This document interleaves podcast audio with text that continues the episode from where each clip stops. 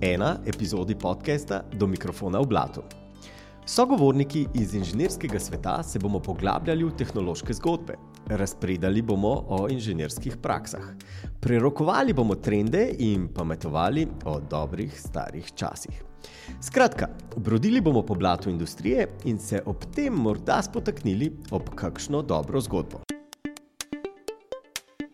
Sem Andraš Tori in današnji gost do mikrofona v blatu je Žiga Mahkovec iz Color Genomics. Pozdravljen, Žiga. Ja. Žiga. V Sloveniji si si v glasu le na dopust, tako da hvala, da si si vzel čas za nas. Tvoja pot se je seveda začela v Sloveniji, uh, potem preko Google, Dropboxa, zdaj živiš v San Franciscu.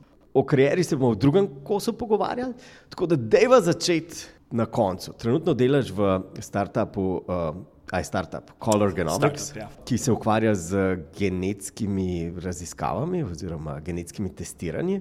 Če, ko si mi razložil, si rekel, tako kot 23andMe, sam za v bistvu klinično rabo, sam za, za dejansko zdravniki to uporabljajo. Tako. In Kaj v bistvu delate? Kaj delamo? Okay, so Color Genomics je v bistvu um, firma, ki se ukvarja z preventivnim zdravjem. To, to je naša misija. ne.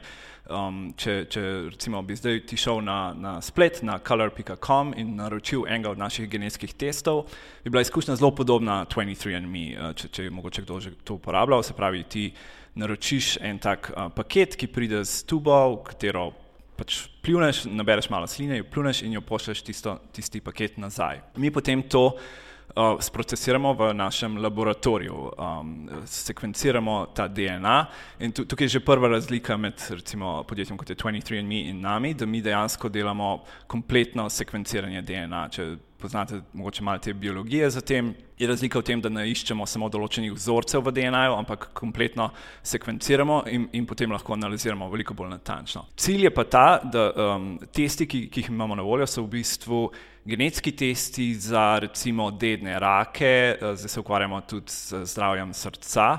Se pravi, cilj je ta, da, da analiziraš svojo genetsko kodo in probaš ugotoviti, se informirati o, o raznih uh, zdravstvenih rizikih. Tako, od, zunaj se sliši to zelo simpel. Ja, daš eno mašino, ki ti vam plune ne vem, nekaj sto giga tvoj, tvoj, tvoj DNA in pa narediš en search algoritem čez in rečeš, alej, tale string je tam noter, zihar imaš to. Um, a je tako simpel? Ne, dejansko je zelo, zelo, zelo kompleksno. In jaz, recimo, jaz nimam uh, ozadja v biologiji, jaz sem kompletno samo uh, imam računalniško izobrazbo in tudi nisem precej tega vedel, predtem sem se začel s tem ukvarjati.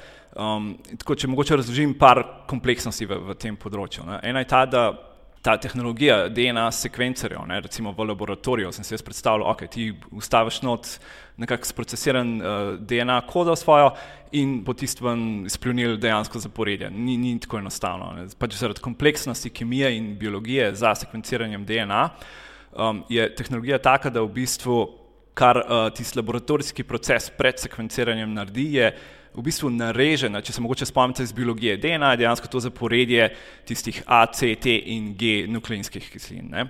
In, in tisto zaporedje je pomembno, mi znamo tisto zaporedje vsaj nekako dekodirati, ampak da, da pa sploh prideš do tega zaporedja, ti ne moreš DNA dati enostavno pod mikroskop pa prebrati tisto zaporedje, kako tehnologija deluje, tako da nareže v bistvu tvojo kompletno strukturo DNA, ki je dolga recimo 3 milijarde uh, teh ACTG zaporedi, nareže na mehke koščke, ponovadi okrog 150 teh baznih parov, se temu reče, in potem sekvencira samo tiste kratke, tiste kratke zaporedja. Pa, če si predstavljate, problem zdaj rata, ko imaš ti nek, nek zelo dolg niz znakov, ki ga narežeš na zelo kratke nize znakov, kar lahko potem narediš, je rekonstruiraš tisto celotno zaporedje, glede na to, da so ta zaporedja precej uh, različna med sabo. Vemo pa tudi približno, kaj pričakovati, ker je nekdo, nek projekt že pred desetimi leti rekonstruiral celotno zaporedje za nekega povprečnega človeka. Ne? Temu se reče uh, reference human genome oziroma referenčni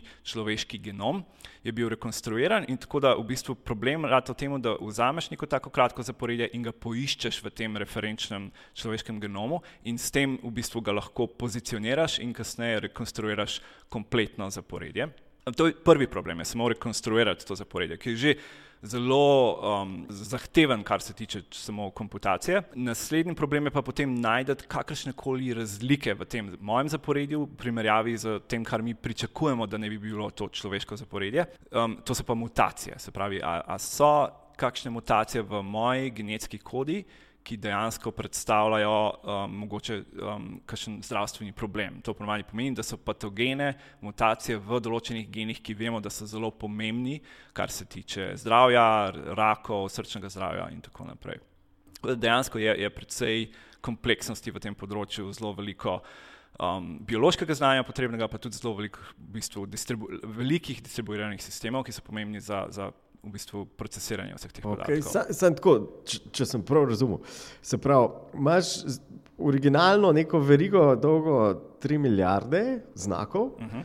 in zdaj na ključno nekdo razreže to na 150, po 150 znakov, se pravi, imaš vem, 100 milijonov ali pa 10 milijonov kratkih stringov po 150 znakov, in zdaj moraš za vsega ugotoviti, kje v tistih 3 milijardah je, glede na to, koliko je podoben enemu referenčnemu kosu. Ja, in si že predstavljaš, da je precej neke statistike in verjetnosti za tem. Poleg tega pa ni, ni samo, nimaš samo enega niza na določenem področju, dejansko imaš veliko, veliko kopij tega. Ker, se pravi, v bistvu, pa tudi prekrivajo se te nizije. In se tudi prekrivajo. Ja. In to v bistvu naredi ta problem malce lažji, ker lahko zdaj s tem, da imaš na vsaki poziciji veliko kopij, recimo tudi po par sto kopij, in ti nizi tudi rahlo zamaknjeni, levo in desno, dejansko dobiš precej boljšo sliko tistega DNA. Kjer pa je ta problem še vedno zelo težek, je pa.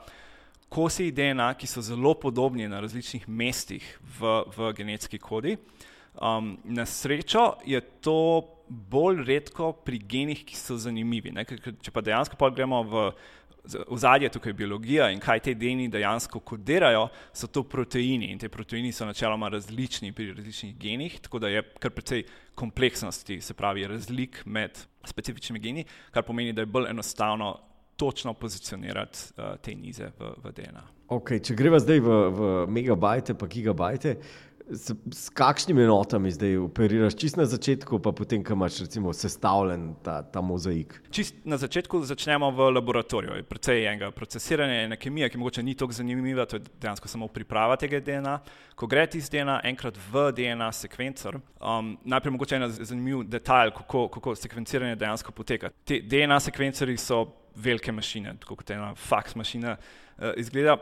DNA, te DNA sekvencerji um, so znajo procesirati zelo veliko primerkov paralelno. Se pravi, to ne pomeni, da mi damo samo en primerek, ki nam je nek, klient recimo, poslal v DNA sekvencer, dejansko jih damo po par tisoč. In v laboratoriju, ko se pripravljajo, ne, se pravi, mi dobimo tist, tisto tubo in, in procesiramo par kemičnih procesov, in na koncu se vse skupaj dejansko zmeša na eno celico in to ustavimo v DNA sekvencer. Kako pa potem lahko razločimo od, od enega konkretnega človeka tisti eh, tist, tist primerek. Je pa tako, da v bistvu eh, dodamo en tak uh, molekularno barkodo, v bistvu, ki jo potem, ko sekvenciramo, je, je, je tako edinstvena, da jo lahko dejansko izločimo za določen primerek. To je bilo meni zelo zanimivo, ne, v bistvu, da lahko s, s kemičnim procesom dejansko ti nekaj prilepiš, en kos DNA, ki je, ki je sintetičen, ki ni te prav DNA, ampak je edinstven, tako da lahko kasneje izločimo specifičnega eh, človeka iz te, te celice, kjer so pomešani, recimo, kjer je pomešanih tisoč ljudi ali pa še več. Ne.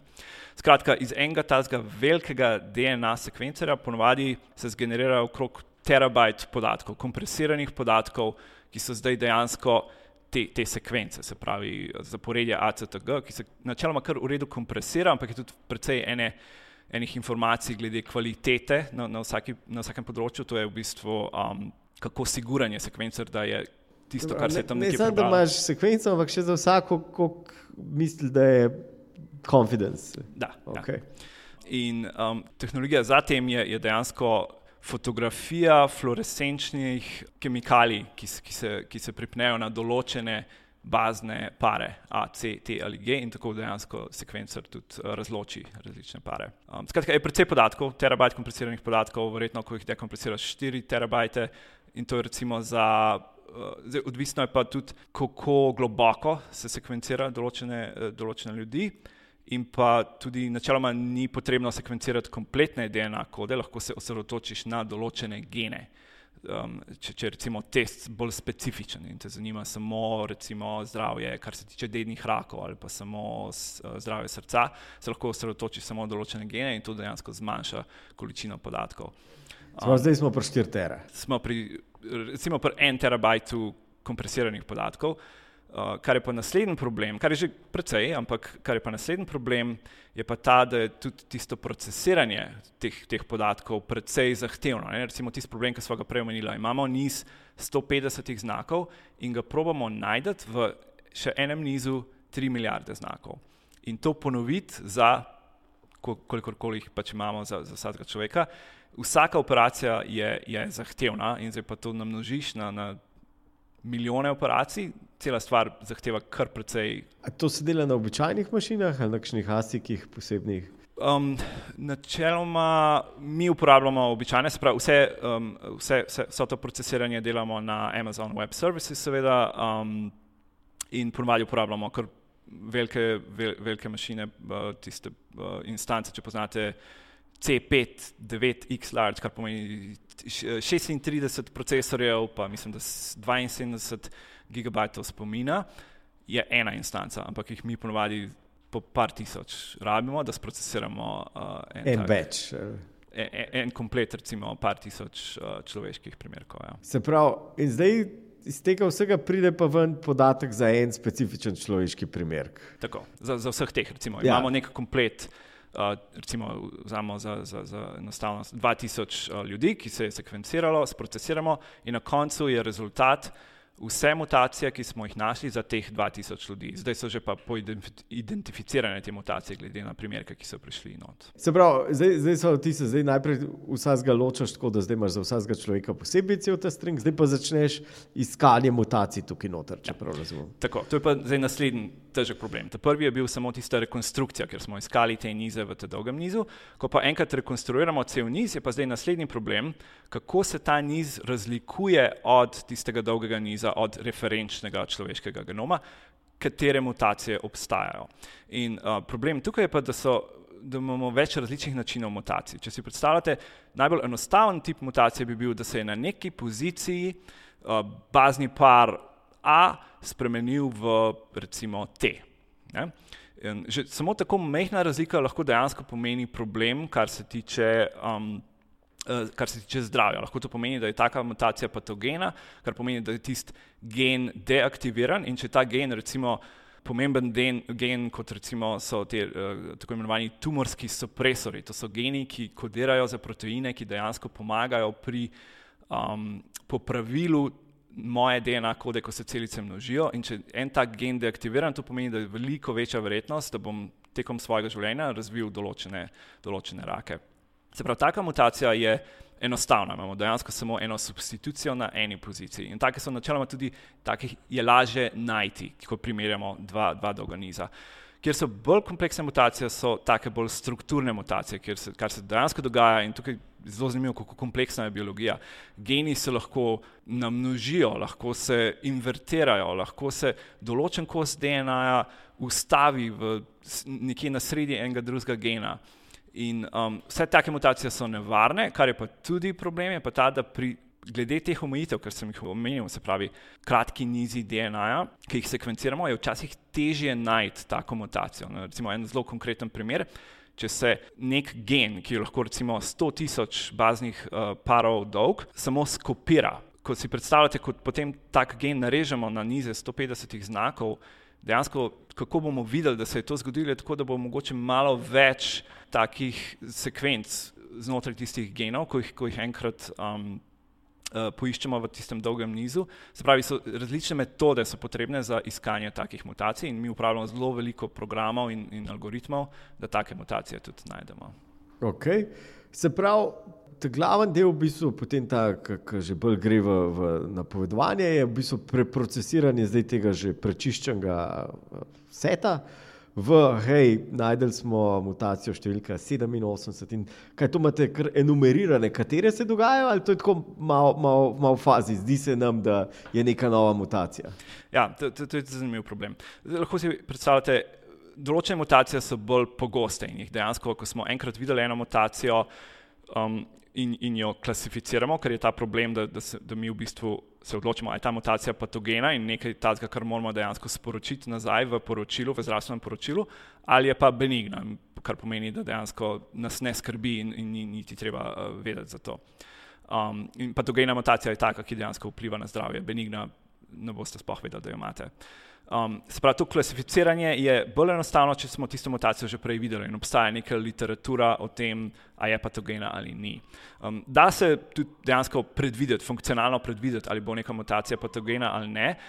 V do, večini primerov, v določenih primerih, če so pa to bolj redke mutacije, pa je to dejansko težko. In kako se ta problem reši? Mi imamo zelo veliko doktorjev biologije, um, temu se reče variant scientists, znanstveniki mutacij ki znajo analizirati te podatke, zbirati vse možne podatke o tem, um, kje te mutacije obstajajo, ali je kdo dejansko delal kakšne funkcionalne teste glede teh mutacij, ali, ali obstajajo določeni primeri, kjer poznamo ljudi, ki imajo te mutacije in smo jih spremljali čez čas in potem opazovali, da se recimo nek rak razvijal ne. Tako da je dejansko predvsej dela tudi v tej klasifikaciji in to je zelo pomemben del. Tukaj se mi zdi, se predvsej razlikujejo firme med sabo, tudi kar se tiče natančnosti in kvalitete teh podatkov, ki, ki jih na koncu. Pre, prej, ki si omenjal, katere mutacije so benigne, pa katere ne, to me spomni na, na en problem iz. Uh, sprav, inženirske prakse, oziroma softvera, static uh, analysis, ki ti pač vržeš prvič svoj si program čez ti reče, lej, na tisoč koncih imaš nul pointerje itd., ne, ampak večina teh je pač nepomembnih, ker v resnici zaradi nečesa nikoli ne pride. Je to kakšna podobnost? Je, je nekaj podobnosti, oziroma še ena še bolj zanimiva podobnost z, z računalništvom nasploh je v DNA sekvencah, je v bistvu že not ugrajena in to je čisto evolucijsko, precej redundance. Um, um, če gremo malo globje, kaj to zaporedje dejansko pomeni, recimo eno zaporedje ACT, dejansko kodira za določeno aminokislino. In, in obstajajo dejansko tabele, ki pravijo, recimo ACT kodira za to in to aminsko kislino, CGG pa za neko drugo aminsko kislino.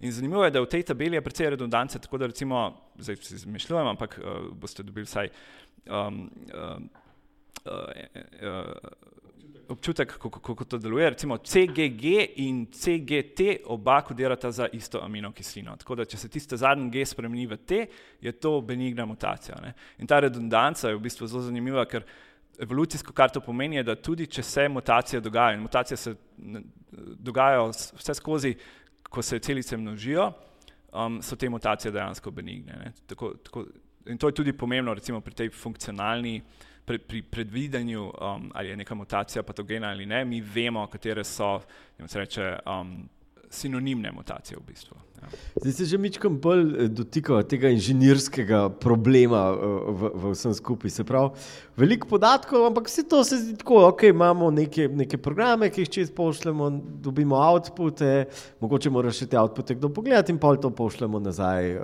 naročniku. Je to res problem? Ja, je, je eno par stvari, ki spet dodajo malo kompleksnosti pri, pri, vsem temu. Ne. Eno je, da je to, govorimo o zdravju, ne, se pravi, to je industrija, ki je zelo regulirana. Tako da, kar se samo kvalitete tiče, ne, če si predstavljate v našem procesu. Jaz delam v tem timu, ki, ki se imenuje bioinformacijski tim in mi razvijamo v bistvu pipeline, cevovod, ki procesira vse te podatke. Če, če je kakršna koli napaka v, tem, v teh programih, ki jih mi uh, izvajamo na, na DNS strukturi, to lahko pomeni, da mi dejansko napačno poročilo damo nekomu, ne? napačno zdravstveno poročilo. In v določenih primerjih, kar to lahko pomeni, recimo za, za neko žensko, recimo, ki dela tak test in ugotovi, da ima veliko višji riziko raka, eh, se določeni ljudje lahko odločijo tudi za, za, recimo, za operacije. Ne? In to je zelo pomembno, da, da mi vemo, da imamo zelo visoko, da v bistvu verjamem, da so ti rezultati pravilni. Ne? Druga, Dobro, napišeš unit teste pa je. Ja, ampak v določenih, ja, dejansko pri, pri zelo velikih primerih je to, to mečkaj teže. In predvsem, ko, ko so te mutacije tako redke, da dejansko nimamo dobrih uh, testov za to. Um, drug problem je pa ta, da tudi če, če se osredoto, ne, ne osredotočimo samo na, na kvaliteto in na pravilnost teh rezultatov, so pa performance. Ko mi izvajamo te procese, in uporabljamo, recimo, um, ena stvar, ki bi jo moral omeniti, je, da te programe in algoritmi, s katerimi na, najdemo te mutacije, mi jih ne bomo načeloma sami razvijali. Zakaj ne? Zato, ker je v bistvu veliko bolje, če vzamemo mi nekaj, kar je že mogoče nek raziskovalni tim razvil in vemo, da deluje pravilno, in ostali laboratoriji tudi uporabljajo, in je že validirano, in je že, je že v bistvu testirano. Um, Tako open source. Open source dejansko precej uporabljamo, open source, um, mogoče v določenih primerih tudi licenciran software, ampak um, spravi, recimo, bomo najdel nek open source paket. Problem pa je ta, da mogoče ta open source paket ponovadi je razvit iz nekega raziskovalnega laboratorija, se pravi, da ni načeloma napisan za to, da deluje hitro ali, ali poceni ali pa pri zelo, zelo velikih, na zelo velikih sistemih, recimo tisoči uporabnikov. Ne? Tako da dejansko moramo veliko časa porabiti tudi za to, da performančno izboljšamo te, uh, te pakete in, in, in jih lahko izvajamo na, na zelo veliko večji količini podatkov, kot pa nek recimo raziskovalni projekt. Ok, se pravi, natančnost pa performance. Um, zdaj, koliko časa v bistvu, ok, zdaj imate zelo močne instance, velikih imate, ampak koliko časa od začetka do konca pa ta proces uh, traja? Ja, to je tudi uh, bil zanimiv problem. Začel bom s tem, da to v bistvu ni, ni bil en najbolj, največjih problemov, ki smo jih morali rešiti na našem timu, zato ker že cel tisti proces v laboratoriju, kemičen proces je načeloma počasnejši. Določeni procesi trajajo čez, čez noč, recimo, samo da, da se sprocesira DNA že sami sekvencerji, te, ki jih uh, zdaj na zadnje uporabljamo, um, to, to, to je hardware podjetja Illumina iz, iz San Diego, NovaSeq uh, se imenuje, uh, tak, ki sem ga omenil, ki se procesira recimo 2000 primerkov naenkrat, deluje 40 ur samo, samo sekvenciranja. In ko ta konča, takrat pa ta naš bioinformacijski sistem začne procesirati podatke. Ko sem jaz začel uh, pri, pri Color Genomics dve leti nazaj, je trajalo okrog en cel dan, 24 ur, da smo vse tiste podatke sprocesirali. Pa smo se pa enkrat začeli malo bolj um, osredotočati tudi na ta, na, na ta problem, kako izboljšati v bistvu čas procesiranja in, in začeli malo um, optimizirati. In smo dejansko prišli do na zadnje, traja okrog dve uri, da sprocesiramo uh, teh primerkov. In kar, kar sem najbolj ponosen, pa je to, da dve uri traja, ampak ni pomembno, koliko primerkov gre v ta sistem, ne? ker je dejansko kompletno horizontalno um, razširjen sistem. Ne? Se pravi, da če imamo več primerkov, pač in, in, rabimo več instanc, ampak za en individualen primerek pa traja okrog dveh. Par tisoč mesin, sitnica. Če sem prav razumel, skratka, šur, zdaj ste 24 ur na dve uri to skrajšali. Ne? Ja, super, mogoče en dan prej dobim rezultat. Je to edini učinek ali je še kaj pomembno? Ne, je pomembno tudi, kar se tiče, um, eno je samo. Um, kako, um, kar se tiče pravilnosti uh, tega, tega procesa, recimo, če mi moramo, če, če kakršen koli problem, pa moramo še enkrat um, pognati ta sistem, recimo, dobimo rezultate veliko prej nazaj. Uh, kar je pa še bolj pomembno, verjetno, je pa, je pa samo testiranje. Uh, sem omenil, da je zelo pomembno, da so rezultati našega testa pravilni. In uh, ti si omenil unit teste, oziroma te so, uh, individualne teste, še bolj pomembno je pa testiranje, ki ga mi na, na tem sistemu tudi izvajamo, in to, pa, to so pa regresijski testi. Se pravi, kadarkoli uh, izdamo novo verzijo našega sistema, ga najprej poženemo na neki zgodovini primerkov, ki smo jih že sprocesirali, recimo par tisoč primerkov iz, iz zadnjih par tednov, zato da zagotovimo, da so vsi rezultati enaki. Oziroma, če je kakršna koli razlika v rezultatih, nam to uh, jo moramo razložiti, recimo, da smo dodali nek nov algoritem za iskanje, kar je pa zelo pomembno, je pa, da nismo uvedli kakšne nove napake. In, in naenkrat recimo bi bili lahko nesposobni uh, najti kakšno specifično mutacijo. Recimo, Tako da je zelo pomembno, da delamo te regresijske teste. Za te regresijske teste, pa, ker jih izvajamo na veliko več primerkov, je pa z, z, že malce bolj pomembno, da, da se sistem dejansko hitro izvaja. Ne? Recimo, če si predstavljate, če imate vi nek uh, sistem, ki vsak dan uh, izda novo verzijo vašega sistema in hočete neke, neke dolge teste izvajati na tem, hočete, da se te testi čim prej vrnejo. Pravi, tako, v, v, v web razvoju ne, imamo se pravi, continuous integration, seveda, se pravi, da komice zažene test in čakaš, da una mašina to 10 minut traja, to je full eh, zoprno. Čeprav razumem, prvo, kar narediš komit, se zažene tisoč instanc nekje v Amazonu, da se da testira, ali si kakšno neumnost naredil in čez dve uri veš, ali si jo naredil. Tako. Ampak to je bilo mečkaj predrugo, če bi za vsak komit delal, tako da delamo to vsak dan. Tako da imamo v bistvu dnevni regresijski test, ki nam najde take, take napake. In, in zakaj pa to tudi pomembno, sem omenil ceno. Ne? To je pa tudi en, eno tistih atributov, ki se je naš tim moral precej fokusirati na to, je koliko sploh stane to procesiranje. Um, tukaj je spet načeloma večina stroškov pri izvajanju enega takega testa. Je v laboratoriju, že samo tiste kemikalije, ki jih rabimo, ti DNS sekvencerji so, so precej dragi, recimo tisti, ki jih mi uporabljamo, stane ena, en stroj, en sekvencer, okrog milijon dolarjev. Tako da si lahko predstavljate, da je to načeloma več kot, kot tisto procesiranje in tiste Amazon instance.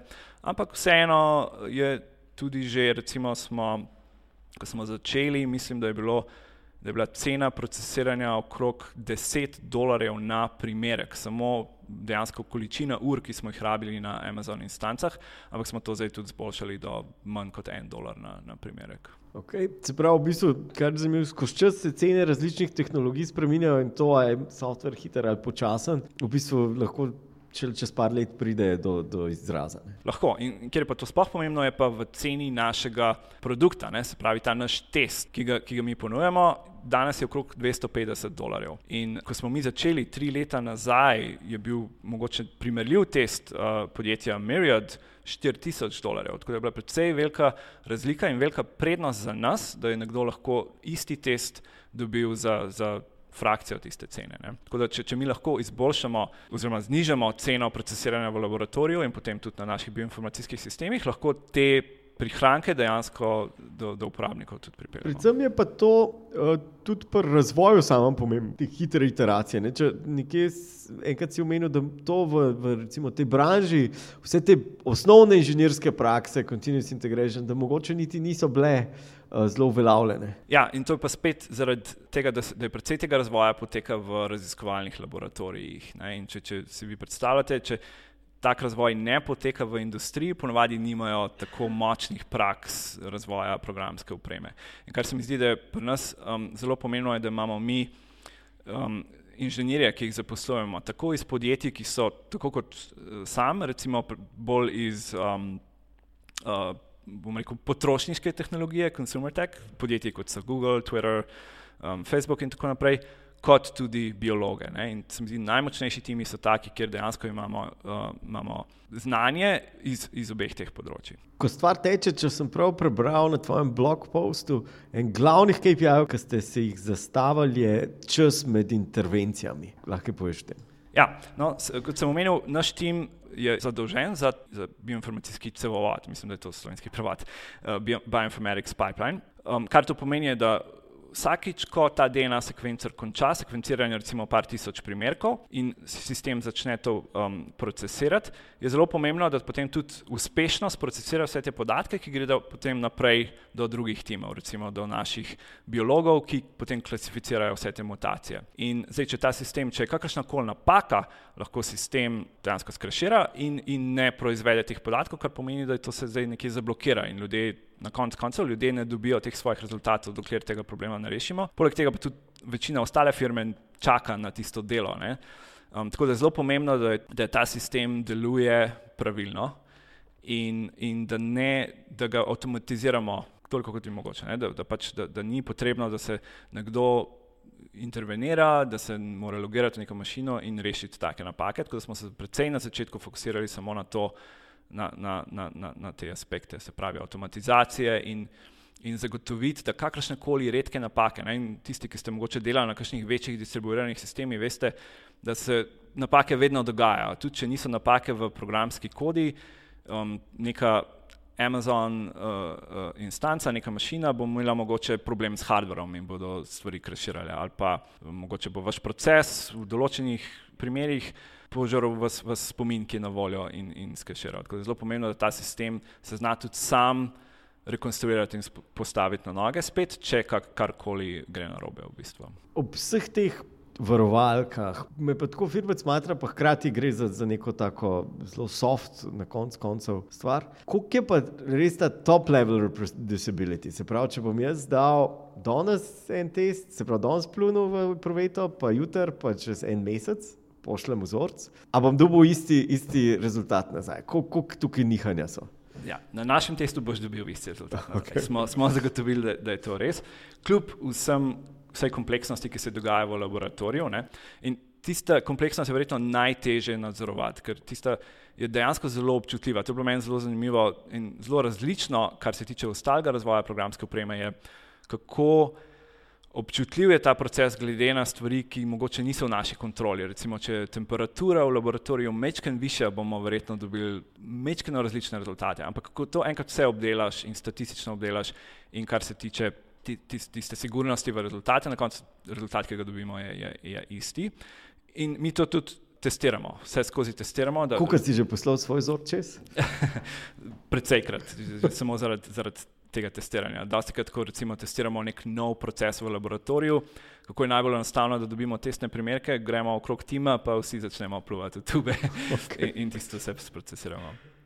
Um, je, je pa to dejansko ja, zelo pomemben problem, ta um, možnost v bistvu reproduciranja istih rezultatov in to tudi vse skozi testiramo. Regresijski test ne deluje v redu, če za isti vstop v sistem ne dobiš istega, istega izstopa, istega rezultata.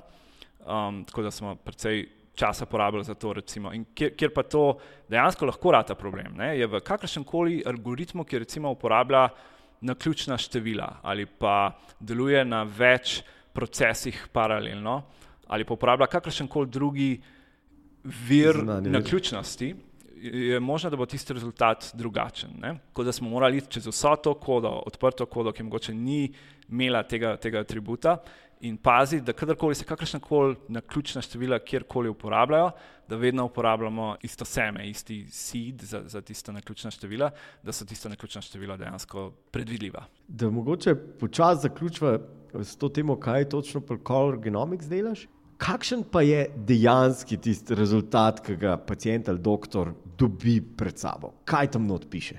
Um, bom dal en primer, recimo za ta genetski test za dedne rake, ki je v bistvu test, kjer testiramo za približno osem uh, rakov, je takih, ki vemo, da so dedni. To pomeni, da če imamo neke primere v družini, je možno, da je to zaradi genetske kode. In ta konkreten test testira za 30, okrog 30 genov. In zakaj so te geni pomembni? Zelo dobro razumemo, da patogena mutacija v katerem koli od teh genov dejansko pomeni višji rizik tistega raka in mi to dejansko lahko z verjetnostjo prikažemo tudi na poročilu. Da, no, čist na, na, na vrhu, če začneva, bo to zdravstveno poročilo ali negativno, kar je v redu, pomeni, da nismo našli nobenih mutacij in večina uporabnikov dejansko dobi tak rezultat. Ali pa v, dolot, v redkih primerih pozitivno, pomeni, da smo našli um, neko mutacijo, tam pa pol začnemo razlagati. Našli smo ta, mutacijo v tem in tem tem genu, recimo za konkretno BRC, BRCA, BRCA1 je eno od teh genov, ki je zelo pomemben, kar se tiče raka na, na dojki ali ovarjih.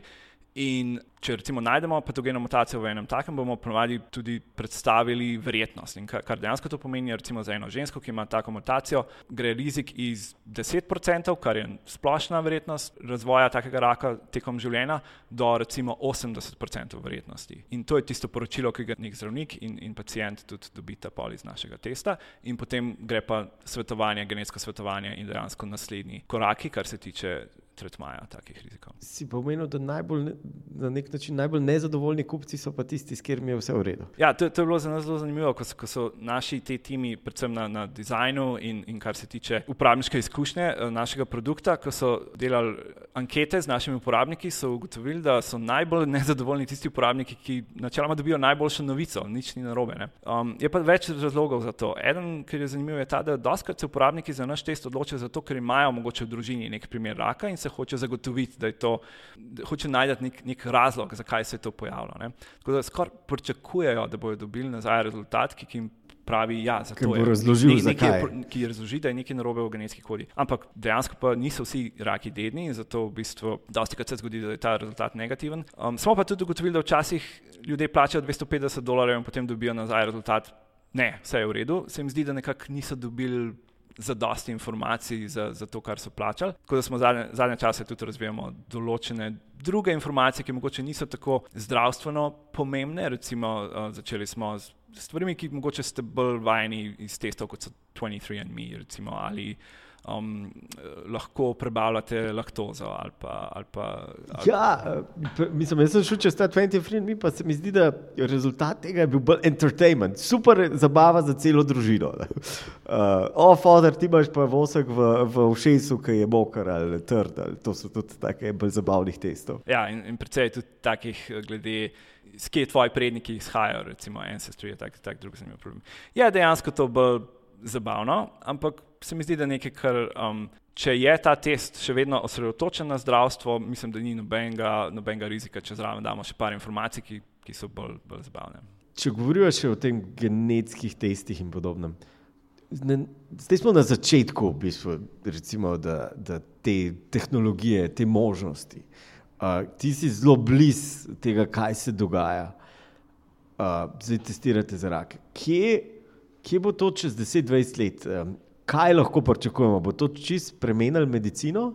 Um, jaz mislim, da če sem realist, mislim, da ne bo kompletno spremenil medicine, ampak mi rešujemo en zelo, zelo specifičen problem, kar se tiče preventivnega zdravja. Ne? Zelo veliko je raziskav o tem, ko recimo, če že imaš neko bolezen, kako dejansko tretirati isto bolezen, pa razvoj zdravil, recimo v, v farmaciji. Določene spremembe, ki se trenutno dogajajo, eno je cena tega testiranja. Ne? Danes recimo um, recimo tukaj, ne, kdo, kdo je tukaj že upravljal genetsko testiranje, mogoče če lahko samo na hitro pogledamo, ne, zelo malo ljudi. Ena razlika, ki jaz mislim, da se bo zgodila, je ta, da bo cena dovolj nizka, da, bo, da bo vsak dejansko šel čez to testiranje, verjetno kompletnega genoma in dobil te informacije, ki so včasih res pomembne. Večina ljudi spet bo dobila negativen rezultat, pomeni, da ni, ni nič za skrbeti, ampak za tisti mehen procent, recimo načeloma okrog 2% ljudi pa ima dejansko neko patogeno mutacijo, bo pa to zelo pomembna informacija. Tako da jaz mislim, da to se bo spremenilo, da bo cena se bo znižala, pa tudi mečkaj se mi zdi tudi pristop, načeloma, ja, samo to, da bodo ljudje dejansko bolj pripravljeni delati tako testiranje in razumeli, kaj tako testiranje pomeni. Verjetno se bo tudi napredovala že samo ta znanost, glede uh, kako razumemo te različne mutacije, in bomo znali več takih bolezni tudi predvideti. Je pa spet to samo en majhen del preventivnega zdravja. Predvsej veliko več razvoja se bo verjetno dogajalo na, razvilu, na razvoju zdravil in, in ostalih stvari. Ampak jaz mislim, da je pomembno, da vsa ta industrija deluje skupaj. Ne. Recimo naša misija tukaj je, da če se osredotočimo bolj na preventivno zdravje, lahko mogoče znižamo stroške zdravljenja dejansko potem uh, že ljudi, ki imajo bolezni. Ne, in, in kot verjetno veste, zdravljenje raka je lahko zelo drago. Če naš test lahko ta, takega raka predvidi in, in glede na to, da so dejanske operacije, s katero se lahko izniči riziko takega raka, sploh pri, pri ženskah, kar se tiče raka na dojki, dejansko lahko zelo znižamo stroške zdravljenja s tem. Okay. Uh, hvala za ta prvi del uh, podcasta, hvala tudi uh, publiki, ki je z nami. Zdaj si bomo vzeli nekaj minut sam za predah, potem pa nadaljujemo z drugim delom, kjer se bomo malo bolj dotaknili tvoje kariere, kako si v bistvu sploh prišel do genetike dan danes. Hvala.